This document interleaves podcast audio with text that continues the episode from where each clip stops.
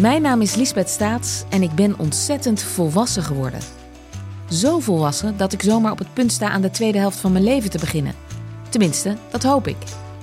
Maar hoe leid je dat deel van je leven dan een beetje slim en leuk? Dat vraag ik in de podcast Lang zal ze leven aan vrouwen die daar al zijn.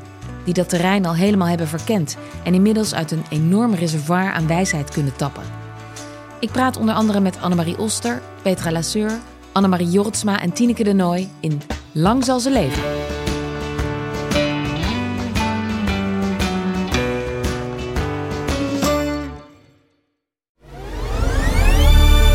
Kortie Media.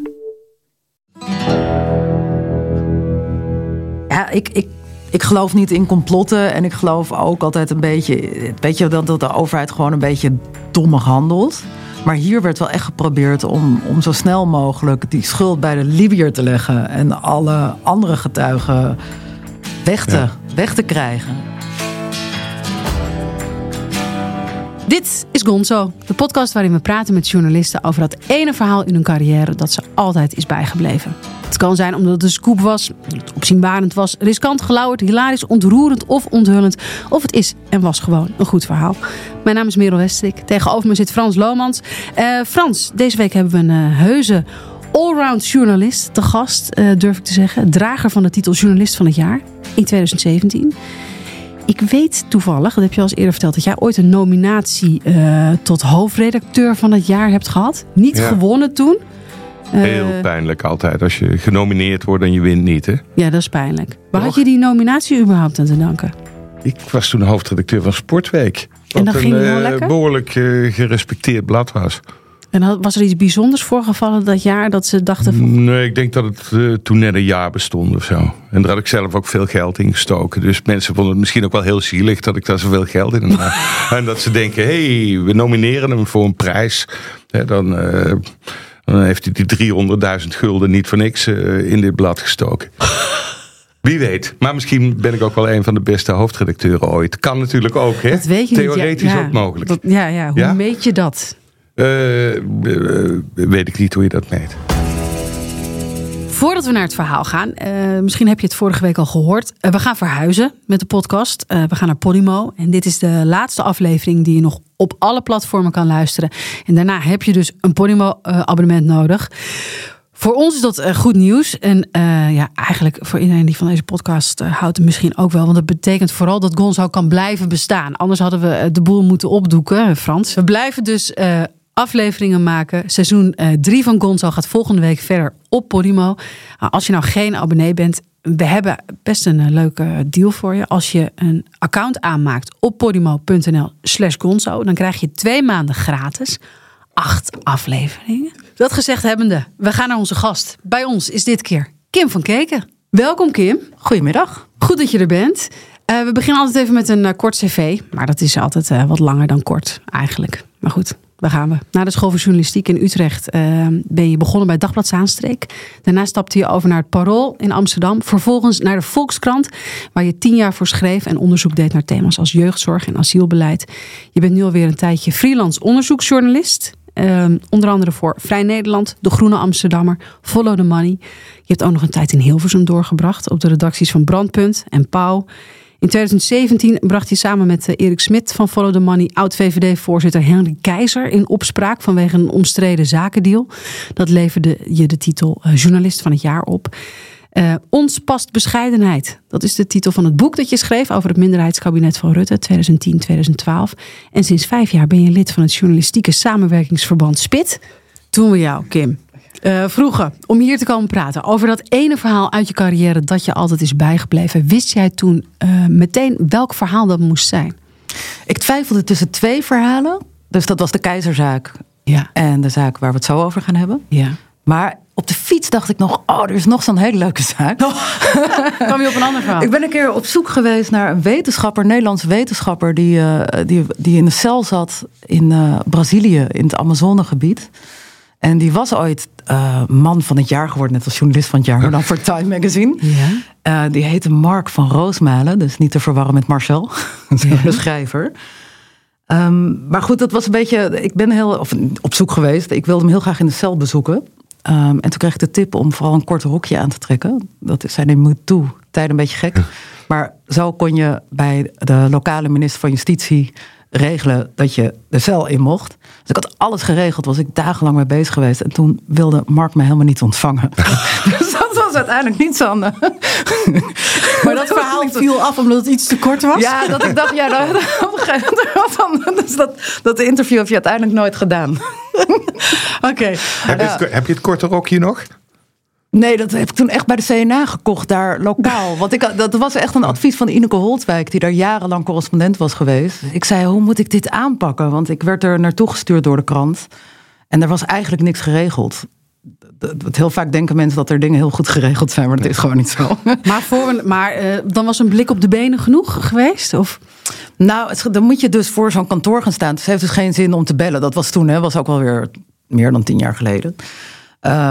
Bellen heeft niet zoveel zin. Zij zei, je moet gewoon voor het kantoor gaan posten tot hij binnenkomt. En dan moet je zeggen, hallo, ik kom van Nederland en zo. En ik, eh, ik moet echt Oh ja. spreken. En dat werkte echt inderdaad. Wat grappig.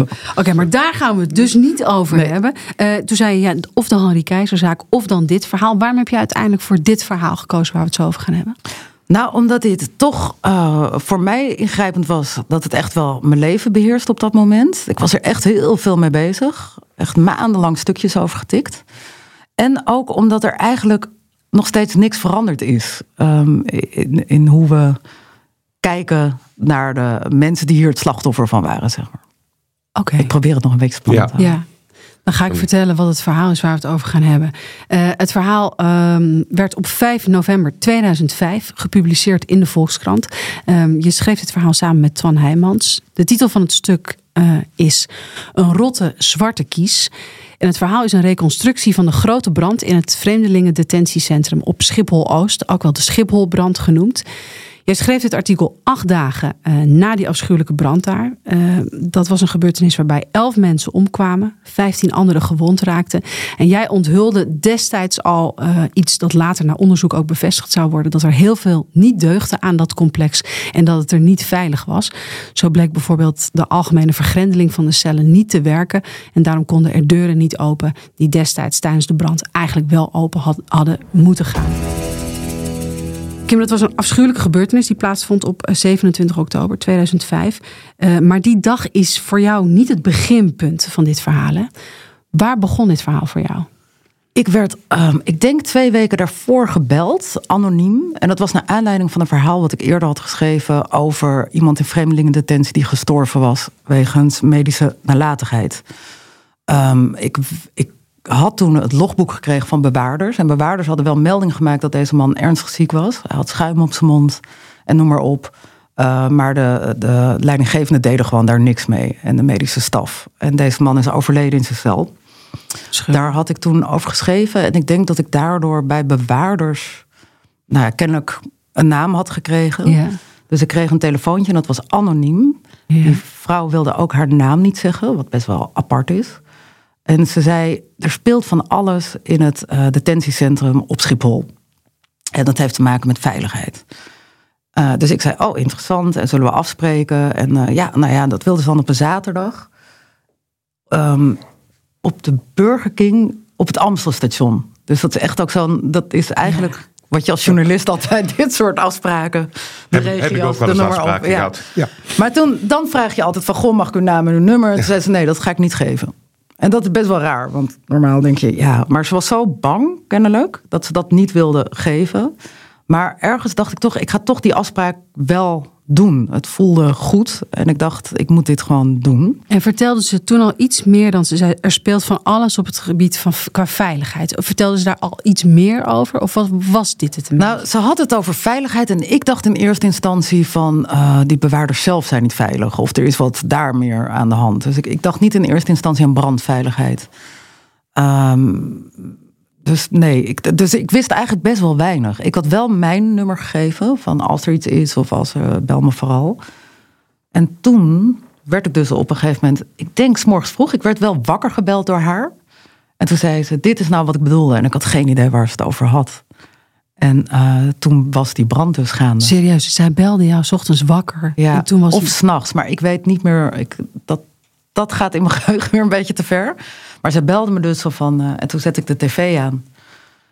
En toen zag je de vlammen op tv. En dat was een detentiecentrum. Ja, want heel even voor de duidelijkheid. de- de- dat detentiecentrum op Schiphol-Oost. Wat, wat, wat, wat zaten daar voor mensen? Wat was het voor complex? Het is in 2002 gebouwd. En het was een complex eh, eigenlijk gebouwd om bolletjeslikkers in op te sluiten. Dat was toen een enorm probleem. Ehm, er kwamen toen echt heel veel bolletjeslikkers naar Nederland. En ik vergeet ook nooit meer de Volkskrant. Toen werkte ik nog niet eens bij de Volkskrant. Die had toen een foto. Het is jammer dat er geen beeld hebt. Maar die hadden, hadden een röntgenfoto van hoe dat eruit zag in zo'n maag. En dan zag je al die bolletjes. Ja, kan ik me, die foto kan ik me nog Ja, herinneren. en toen werd het echt een issue en er moest wat mee en die mensen moesten uitgezet worden. Er was ook een bolletjeslikker opengesneden. Die was waarschijnlijk overleden ehm, door de drugs. En die hebben ze opengesneden om de bolletjes eruit te halen. Dus er, nou het was gewoon een groot issue. Dat complex is er in de haast neergezet. Het waren allemaal zeecontainers. Dus ehm, nou ja, gewoon snel neergezet. En daar moest die bolletjeslikkers in opgesloten worden. Maar uiteindelijk gingen er ook wat meer criminelen naartoe. En eh, uitgeprocedeerde asielzoekers en illegalen die eruit moesten. Die het land uitgezet Ja. moesten worden. En eh, jij, jij wist al van het bestaan toen je dat eerste telefoontje kreeg. Je wist al iets over dat centrum. Ik wist wel dat er, ik wist welke detentiecentra. Er was er eentje in Zeist, er was er eentje op Schiphol, omdat ik erover schreef. Ik schreef wel ja. over immigratie. Maar je was er nog nooit geweest. Nee, ik, ik geloof wel dat ik een keer. Ze hadden ook van die rechtszittingen met bolletjeslikkers. Die worden dan aan de lopende band werden die veroordeeld. En die moesten dan het land uit. En ik heb wel eens een keer zo'n dag in een rechtszaak gezeten. Wat vrij ontluisterend was, omdat je ook bolletjeslikkers klinkt heel afstandelijk. Maar daar hoorde je echt de meest schijnende verhalen. Dus inderdaad van. eh, eh, alleenstaande moeders Ja. die dan denken van oh, oké, als ik dit doe, dan, eh, hè, dan, dan kan ik gewoon weer even vooruit. Dat deed je niet voor je lol. Nee, ik zag er, nee, dat was echt, het, het, het bolletjeslikkers, het klinkt inderdaad als een ding, maar als je een dag in zo'n, ja, dat was echt zo snelzittingen, dat was heel schrijnend. Maar die ochtend, op, op 27 oktober 2005, word je dus gebeld door de vrouw waar je nog mee af zou spreken om te praten over de veiligheid in dat cellencomplex. Ja. En die zegt tegen jou: eh, zie je wel, zie je wel, dit is wat ik bedoel. Ja, Eh, kan, kan, je, kan je ons nog iets meer meenemen in het moment? Je hebt, dat, je hebt, je hebt toen het tv aangezet. ja, ik zat tv aan en ik was ook, ik was, ik was net weg bij mijn vriend, jarenlang, en ik was nogal aan het vliegenfluiten op dat moment, veel uit. Ik denk ook dat ik weinig geslapen had die nacht. Dus het was ook een beetje een soort blur. Ja. En dat je denkt, oké, en dat je echt even moest schakelen ook. En toen zei ik, eh, oké, maar kunnen we verder praten? Toen zei ze, nee, onze afspraak blijft dan staan. En meer was er eigenlijk niet. Dus dat was het. En wat heb je toen en volgens mij was die brand op donderdag. En zaterdag zou ik die afspraak hebben met die, eh, met die, met die vrouw. En ehm, dat is heel bizar, want dan gebeurt er dus iets al eh, van iets waar je nog van alles over moet horen. Ja, ja. En het was ook heel frustrerend, want ze had opgehangen. En eh, toen had ik haar nummer natuurlijk wel, want dat stond toen in me. Maar ze wilde verder gewoon niet praten. Ze zei nee, zaterdag. eh, en ze zei wel, ik ga proberen om meer mensen mee te krijgen. Maar het is natuurlijk heel frustrerend dat je denkt. Want je hebt gewoon een verslaggeving over die brand. En je denkt, ik heb gewoon een bron die gewoon alles weet. Of veel meer Ja. dan. Wat heb je toen gedaan? Want, want die Schipholbrand was, was dan gaande. Ben- Ben je daar naartoe gegaan? Of ben je naar de redactie Ik ben er? Of- geweest. Er is gewoon normaal verslag van gemaakt. En dat was eigenlijk gewoon vrij basic. Maar ik weet wel dat ik me ontzettend stoorde aan het feit dat eh, het nieuws begon. Vooral op tv. Echt zo van, er zijn illegale ontsnapt. Dat was echt, en er cirkelden er helikopters en ze waren op zoek naar illegale en ze zouden ze vinden. En pas later werd ze, oh ja, er zijn ook elf mensen doodgegaan. Ehm, dat vond ik zo schrijnend. Die, eh, want die illegale, ja, god, het zijn geen grote criminelen. Dat Nee. was op dat moment wel, dat duurde even voordat dat nieuws keerde. Ehm, dus ik weet wel dat we daar ook wel echt discussies over hadden op de kant. Eh, dus dat ik daar vooral mee bezig was. Van, Dat je vond dat het beeld gekanteld moest worden. ja, dat ik echt, dat vond ik heel belangrijk. En Twan Heijmans trouwens ook, die schreef ook al heel lang over vreemdelingen en asielzoekers. Dus volgens mij waren we daar vooral op gefocust. Ehm, en we hadden inderdaad al wel vrij snel contact met Ahmed Pouri. Dat was een eh, Iraanse man. Die eh, had een stichting Prime en die hielp allemaal ja, echt kansloze illegalen. Dus echt mensen die erg in de war waren en zo. En die had contact met illegalen. Die illegalen werden namelijk meteen naar de bijesboot gebracht. Dus je kon ze ook niet, je kon geen dingen vragen of wat dan ook. Ze werden overal of naar Kamp of naar de bijesboot in Rotterdam. Dat was een boot waar gewoon ook allemaal illegale zaten. Ehm, en Ahmed regelde voor ons op een gegeven moment telefoonkaarten... zodat we met die illegale konden bellen. Of zij ons. Uh, op bepaalde tijdstippen. Zodat we de getuigen konden horen van wat is daar nou gebeurd. Ja. Wat, wat, zei jouw journalistieke hart die dag?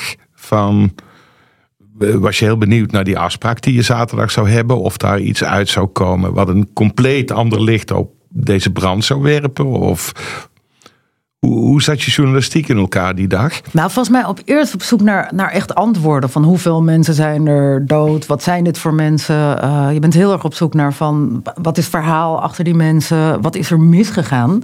Dat gaat op een gegeven moment wel knagen. En dan is het gewoon heel frustrerend. Um, en ook een soort zelfbeheersing. Want liefst wil je die vrouw bellen van ja, ja. Uh, je moet nu uh, je praten. Moet nu praten. Zaterdag pas. Maar ik voelde wel aan van als je nu heel erg gaat pushen, dan push je er weg. Ja. Dat, wat, het was heel broos. Dus um, ja, je kan er ook mensen gewoon echt door te drammen wegjagen.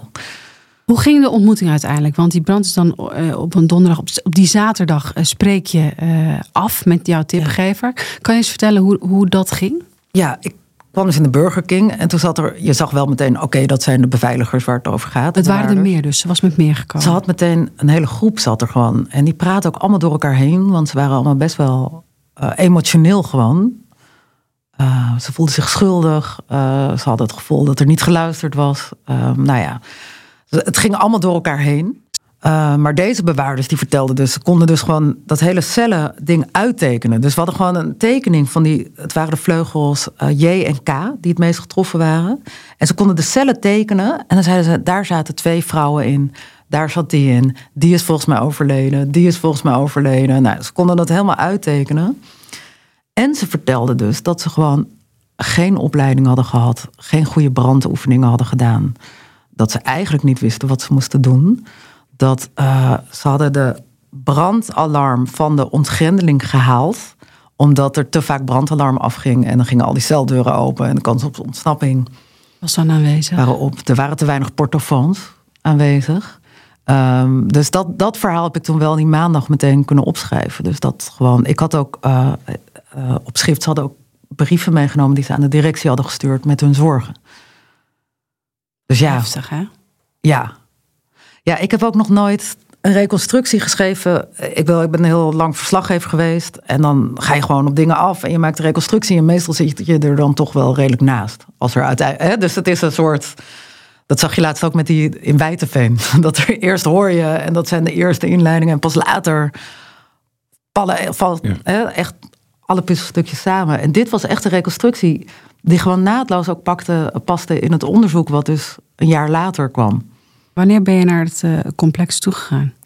Volgens mij ben ik nooit echt op het. Ja, later. Maar we mochten er ook helemaal niet dichtbij komen. Het werd heel snel. Eerst was het gevaarlijk, toen werd het afgesloten. Uh, ik heb later natuurlijk heel veel beelden gezien van de onderzoeksraad voor de veiligheid. En dan zie je gewoon. En we hadden ook brandweermannen gesproken. Die zeiden: je kon je kont niet keren in die cellen. Het was echt heel klein. Was echt. Uh, um, niet alleen de, de illegale hebben trauma's opgelopen, maar ook de mensen die daar ter plaatse waren. Het is echt afschuwelijk geweest. En uh, was je vanaf het begin op zoek naar schuldigen in de zin van die en die, met, met namen of zo? Of, of was je op zoek gewoon naar de complete situatie? Uh, hoe... Nou, ik weet omdat um, minister Verdonk die riep meteen er is adequaat gehandeld. En dat vond ik echt. Ja, dat kwam al heel snel. snel hè? Heel snel. En minister De Geus van Sociale Zaken, die daar eigenlijk helemaal niks mee te maken had, die gaf meteen de Libiër de schuld. Die zei: uh, ja, de, de, gedetineerde heeft zelf de boel in de fik gestoken. En, uh, Leg even uit, de Libiër. Er was dus een Libiër en dat verhaal hoorden we ook al vrij snel. Daar was de brand begonnen, op zijn cel. Ze hebben de deur open gedaan van zijn cel, waardoor de brand, wat eigenlijk niet had gemoeten. Ze hadden de, of ze hadden de deur opengelaten toen ze hem eruit hadden getrokken. En daardoor is de brand verder gegaan.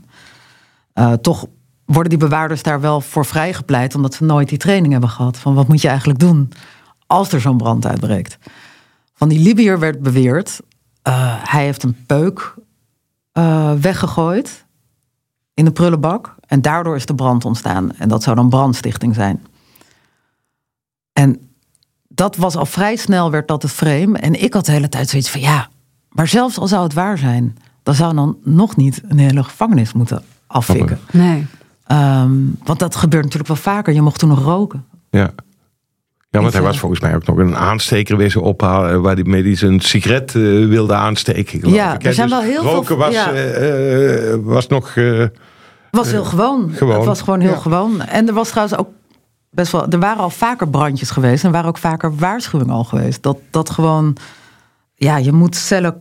eh, je hebt compartimenten. Dus die brand mag niet overslaan van cel naar cel naar cel. En dat is wel gebeurd.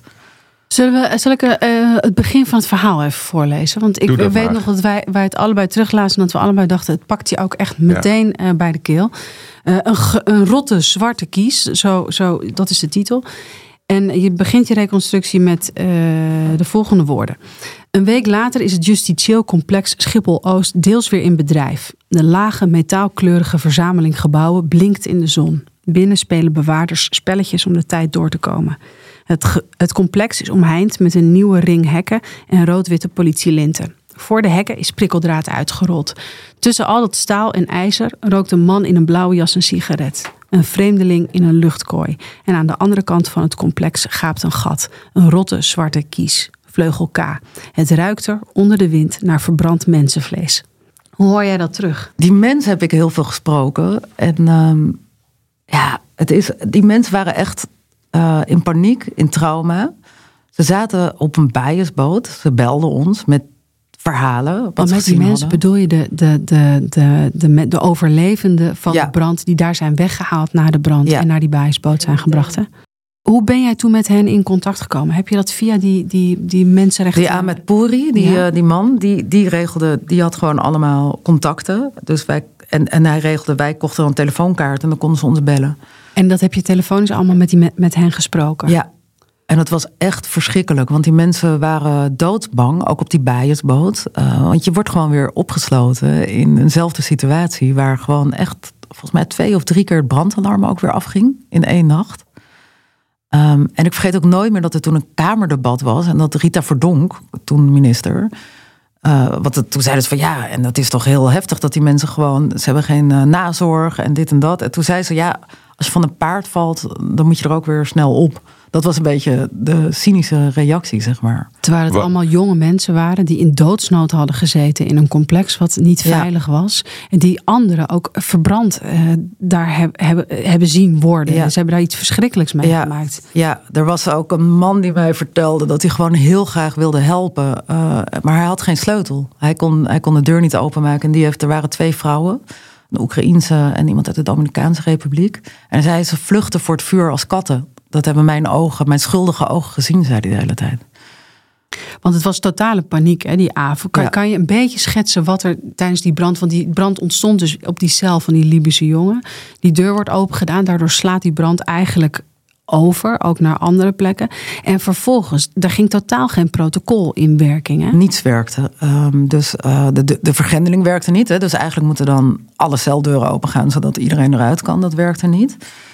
Ehm, de brandweer, eh, de, de codes klopten niet. Dus we waren naar de verkeerde vleugel gegaan. Er was ook niemand op die vleugel. Op die twee vleugels was niet bemand. Dus dat was meer van, als er iets gebeurt, zou er iemand moeten komen. Eh, dus echt alles ging mis. En twee bewaarders hebben nog wel, bewaarsters, twee vrouwen, hebben nog geprobeerd met sleutels al die cellen over te maken. Maar op een gegeven moment kwamen ze gewoon niet verder. Er zijn ook mensen van de marechaussee geweest die later zijn aangevlogen. En die, die hebben echt gewoon trauma's opgelopen. Omdat ze gewoon niet meer verder konden helpen. Eh, ze wisten dat er mensen in die cellen zaten. En ze konden gewoon er niet meer bij komen. Maar di- dit verhaal en al deze eh, persoonlijke verhalen, dat ontrolde zich de dagen na de brand. Hè? Ja, En het werd chockerender en chockerender Ja. eigenlijk, hè? Toch? ja. ja, het was echt... Alles wat mis kon gaan, was mis. Het gebouw deugde niet. Eh, de, de, de bewaarders waren niet getraind. Eh, de mensen werden niet. Hè, dus, dus het was niet bemand. Eh, er waren geen portofoons. Er was maar één portofoon en daar deed de batterij het niet van. Ehm, de wachtcommandant had de brandweer niet goed geïnstrueerd. Die zaten weer vast in een, in een luik, waardoor ze te laat aan konden rijden. Echt alles wat er mis kon gaan, was misgegaan. Je hebt heel veel van die overlevenden gesproken. Dat waren eigenlijk allemaal, ik keek nog eens naar hun leeftijden, allemaal relatief jonge mensen. Ja. Ik meen dat de oudste 51 was, maar er zaten echt twintigers tussen. Uh, wat, wat, voor, wat voor groep trof je? Wat voor.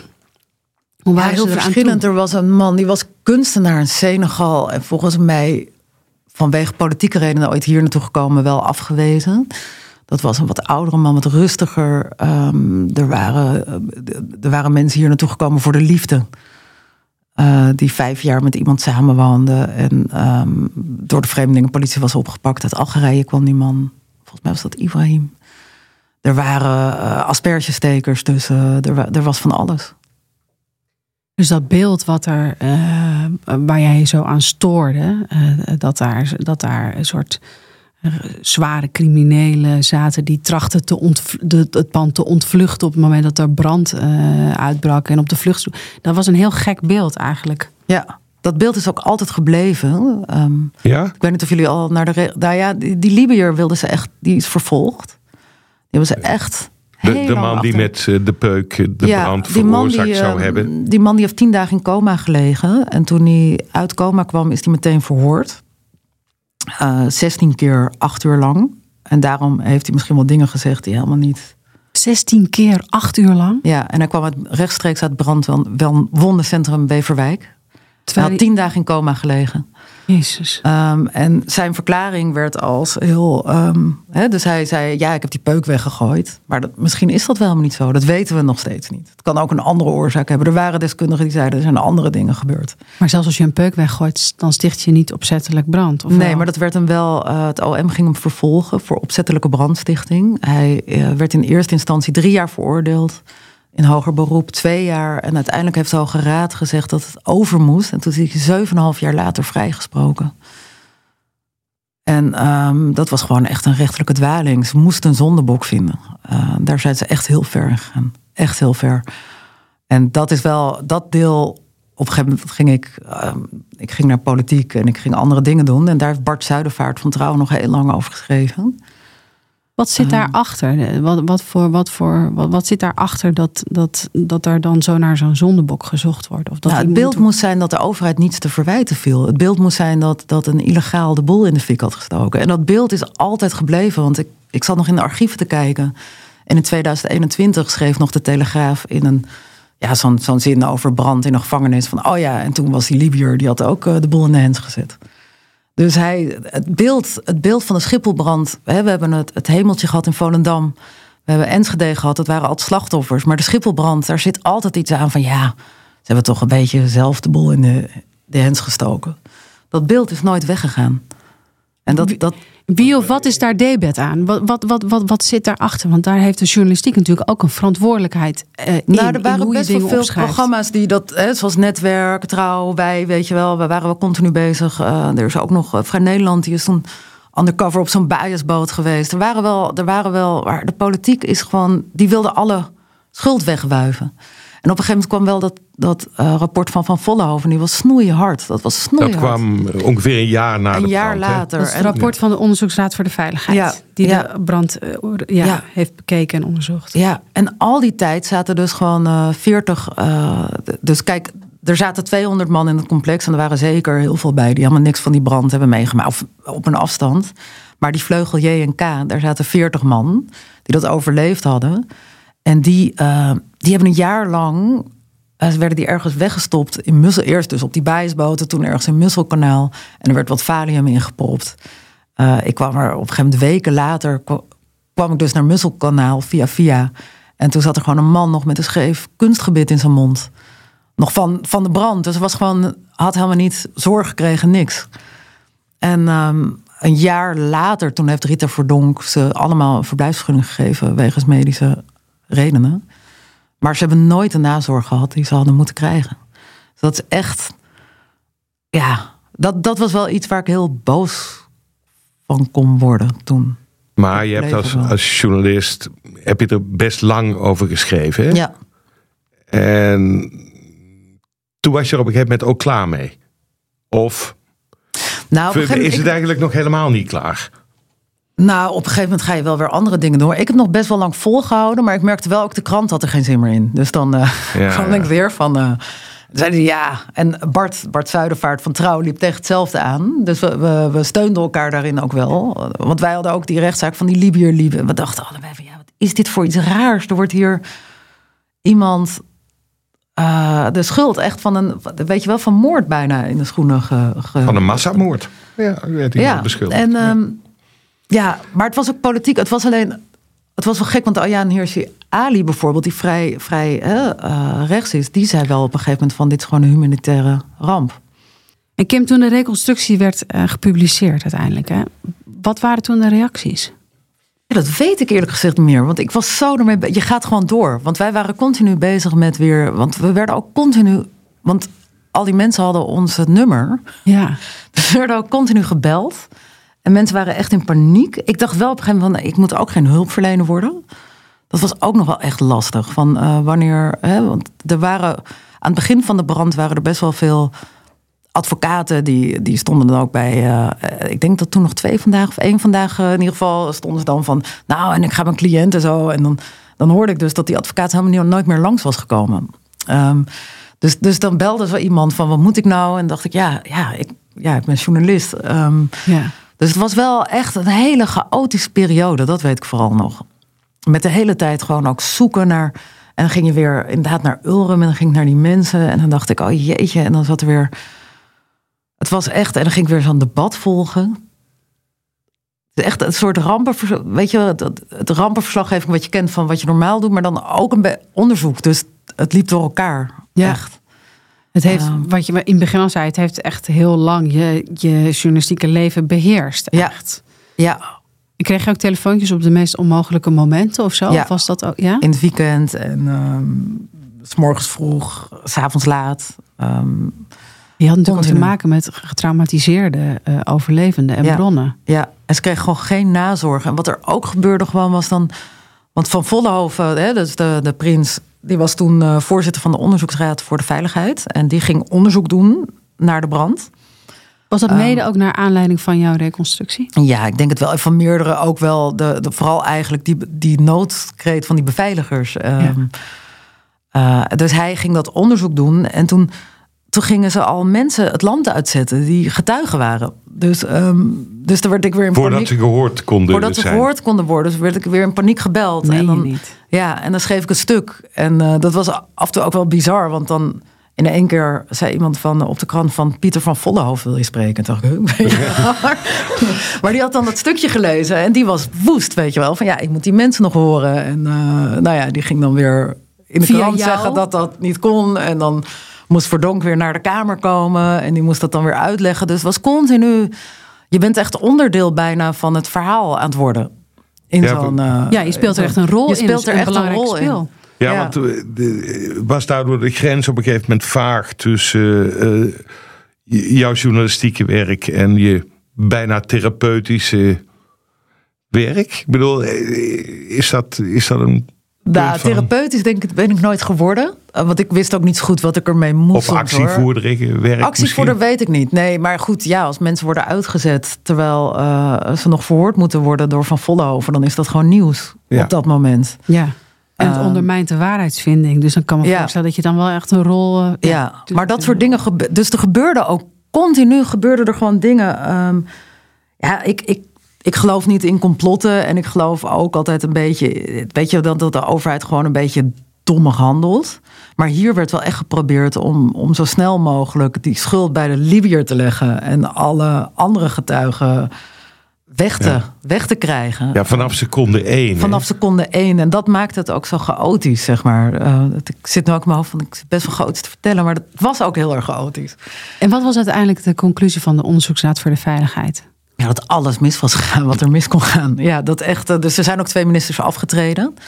Verdonk gek genoeg niet, maar wel... eh, Piet Hein Donner? Piet Hein Donner en Justitie. Dekker. Sibylla Dekker, Volkshuisvesting. Ja, Zij werden echt verantwoordelijk eh, gehouden voor het optreden van de instanties. ja, en voor ook het bouwen. Want het, ook bouwkundig deugde het niet. Hè? Dus er, er was geen...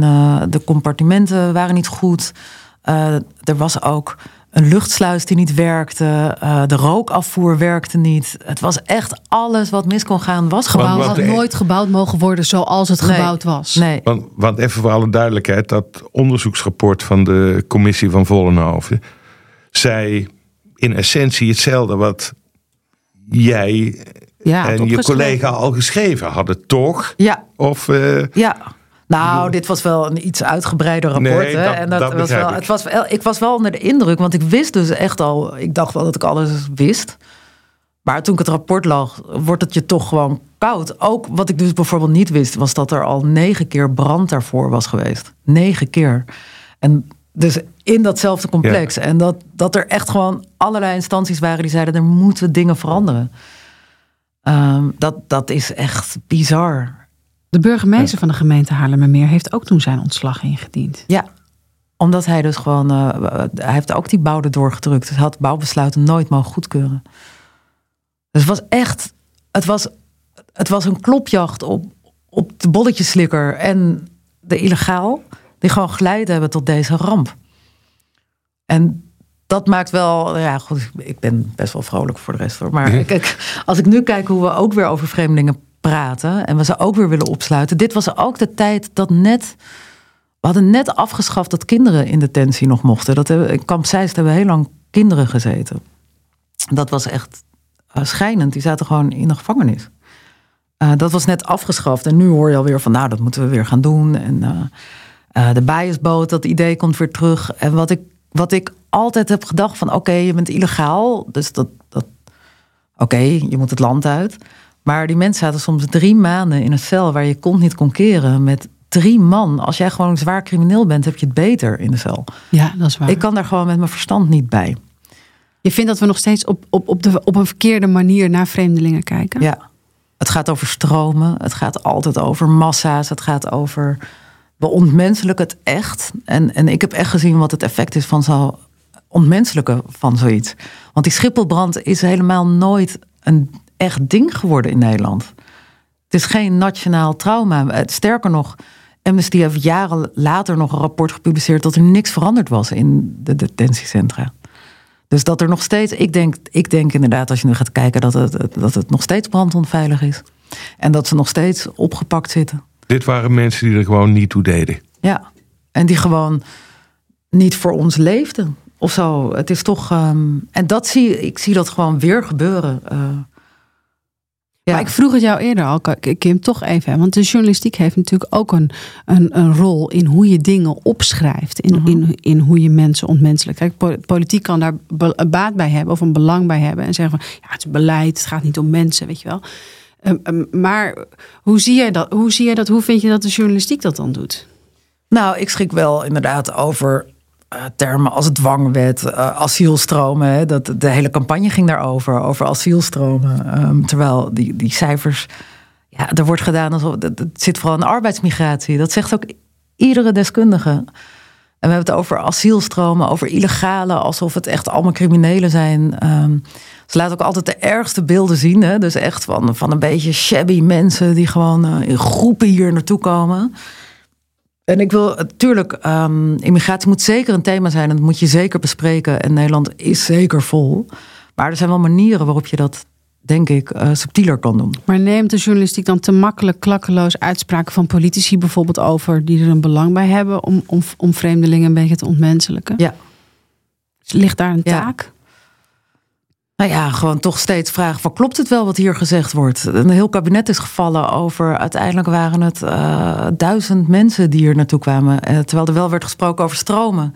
En uiteindelijk heeft volgens mij, nou ja, ik wil niet mezelf op de borst kloppen, maar ik had al vrij snel een stukje dat die cijfers niet kloppen die worden genoemd. Eh, en de NOS heeft daar goede berichtgeving over gedaan, maar dat is wel daarna. Nadat iemand al de hele dag heeft geroepen dat, eh, dat Nederland vol is, dat, de asiel, hè, dat, er een, dat er een tsunami aan asielzoekers ons land opkomt. En terugkijkend op, eh, op de verhalen die je over de Schipholbrand hebt geschreven. Hè, eh, heeft het wortel, gescho- wortel geschoten? Heeft het invloed gehad, eh, denk je? Of overschat ik, dan de, overschat ik dan de journalistiek? Ik was toen uh, heel jong, zeg maar nog. En uh, ik heb daar ook geleerd dat journalistieke verhalen niet de wereld veranderen. En dat dat ook volgens mij niet je doel hoeft te zijn. Uh, maar nee, ik heb geen deuk in een pakje boter geslagen hiermee. Want we zitten nog steeds in dezelfde discussie. Um, en we hebben nog steeds, weet je, ik, er was ook een advocaat waar ik veel contact toen mee had. Ali Westerhof heette zij. Zij werkte bij de IND. En zij was wel degelijk voor een streng asielbeleid. Um, ze werkte, want ze was gestopt daar. Maar wij hebben geen streng asielbeleid. We hebben helemaal geen beleid. En uh, wat we doen is pure willekeur. Mensen afwijzen, mensen toewijzen. Het is al jaren zo bij de IND echt zo, toen, toen ik erover schreef. En nu nog steeds wachtlijsten bij de IND, willekeur, mensen afwijzen zonder goede gronden. Heel vaak zeggen mensen, ja, maar die asielzoekers procederen, procederen maar door. Maar de helft van de beroepen worden ook gegrond verklaard. Dus het is niet helemaal, het komt niet uit de lucht vallen dat er door wordt geprocedeerd. Um, en we hebben die problemen bij de IND nooit opgepakt, uh, opgelost. Al twintig jaar lang niet. En zelfs toen ik erover begon te schrijven, toen was Twan Heijmans, die had er al vijf jaar over geschreven. Die was er al moedeloos van geworden. Dus daarvoor al niet. Hey, volgend jaar is die brand uh, twintig jaar geleden. Hè? Ja. Als ik, het, als ik even goed reken, dat klopt. Uh, gaat dat herdacht worden? Nee, dat denk Geen, ik niet. Geen twijfel. Nou, volgens Dit mij is er wel een soort kleine ceremonie. En Amnesty staat er dan en een paar van die groepen. Maar het is nooit. Ik heb het eigenlijk ook niet heel groot in de media zien komen toen tien jaar geleden was. En ben jij ooit, Het is in, sowieso. ben je ooit in contact gekomen ook met de, met de familie van mensen die er zijn overleden destijds? Nee. Nou, wel bij die herdenking volgens mij. Er waren wel wat mensen. Maar mondjesmaat. Maar mensen zijn ook bang omdat het zijn illegale. Dus het is al. eh, eh, zoals die Libiër ook. Die wil, ja, die wil ook niet meer. Weet je, die heeft zoveel meegemaakt. Maar die heeft wel de schuld in de schoenen ge. Hè, de Puttense moordzaak vonden toen. Ik bedoel, dat was misschien ook wel een hele andere zaak. Maar dat was ook een rechtelijke dwaling. Daar hebben we het heel veel over. We hebben het nooit over de Libiër die onterecht de schipholbrand in zijn schoenen geschoven kreeg. Sterker nog, Hoe is het met hem? Weet je dat? Nou Bart Zuidervaart heeft erover geschreven. En hij schijnt weer in Tripoli te wonen en daar bij een laboratorium te werken. Hij heeft uiteindelijk 47.000 euro schadevergoeding gekregen. Omdat hij, zo- hij heeft dus onterecht in de cel gezeten. Ja, jaren. Ja, nou, uiteindelijk een paar. Het, het was drie jaar in de eerste instantie, anderhalf jaar geloof ik, uiteindelijk. Oké. Ehm, ze hadden het al wel een stapje terug gedaan. Nee, dus, dus die familie. Bart heeft ook een heel mooi verhaal gemaakt van hoe gaat het nu met die mensen die nu een vergunning hebben in Nederland. En dat is heel wisselend, maar mensen hebben echt een trauma. Denk je nog veel terug aan dit verhaal, Kim? Nee. Nou, dat klinkt weer Oké, ja. Nee, op een gegeven moment heb je het Ja. ook wel afgesloten. Het was inderdaad dat ik werd gebeld van wat is nou een verhaal? Veel. Het, het komt wel af en toe terug inderdaad als ik dingen zie. Zoals bij Kijkduin. Eh, Jeroen van Bergijk had echt een prachtig verhaal. Die was naar dat eh, hotel gegaan. Wat ging waar die asielzoekers werden opgevangen. Waar, waar Geert Wilders naartoe ging. Van nou, en ik ga hier. En de asielzoekers en oh. En dat de hele buurt zei, oh, dit wordt echt verschrikkelijk en zo. En eh, Jeroen van Bergijk heeft daar volgens mij drie weken gezeten. En het was echt, er gebeurde helemaal niks. En die mensen, en er was helemaal geen probleem en zo. En toen dacht ik, ja, dit is dus gewoon wat er continu gebeurt. Nog steeds. En dan moet ik wel weer eraan toe, aan terugdenken ook. Is er ergens in het verhaal nog, nog een los eindje? Of iemand die je nog zou willen spreken hierover? Of We weten nog steeds niet hoe de brand is ontstaan. Dat weten we nog steeds niet.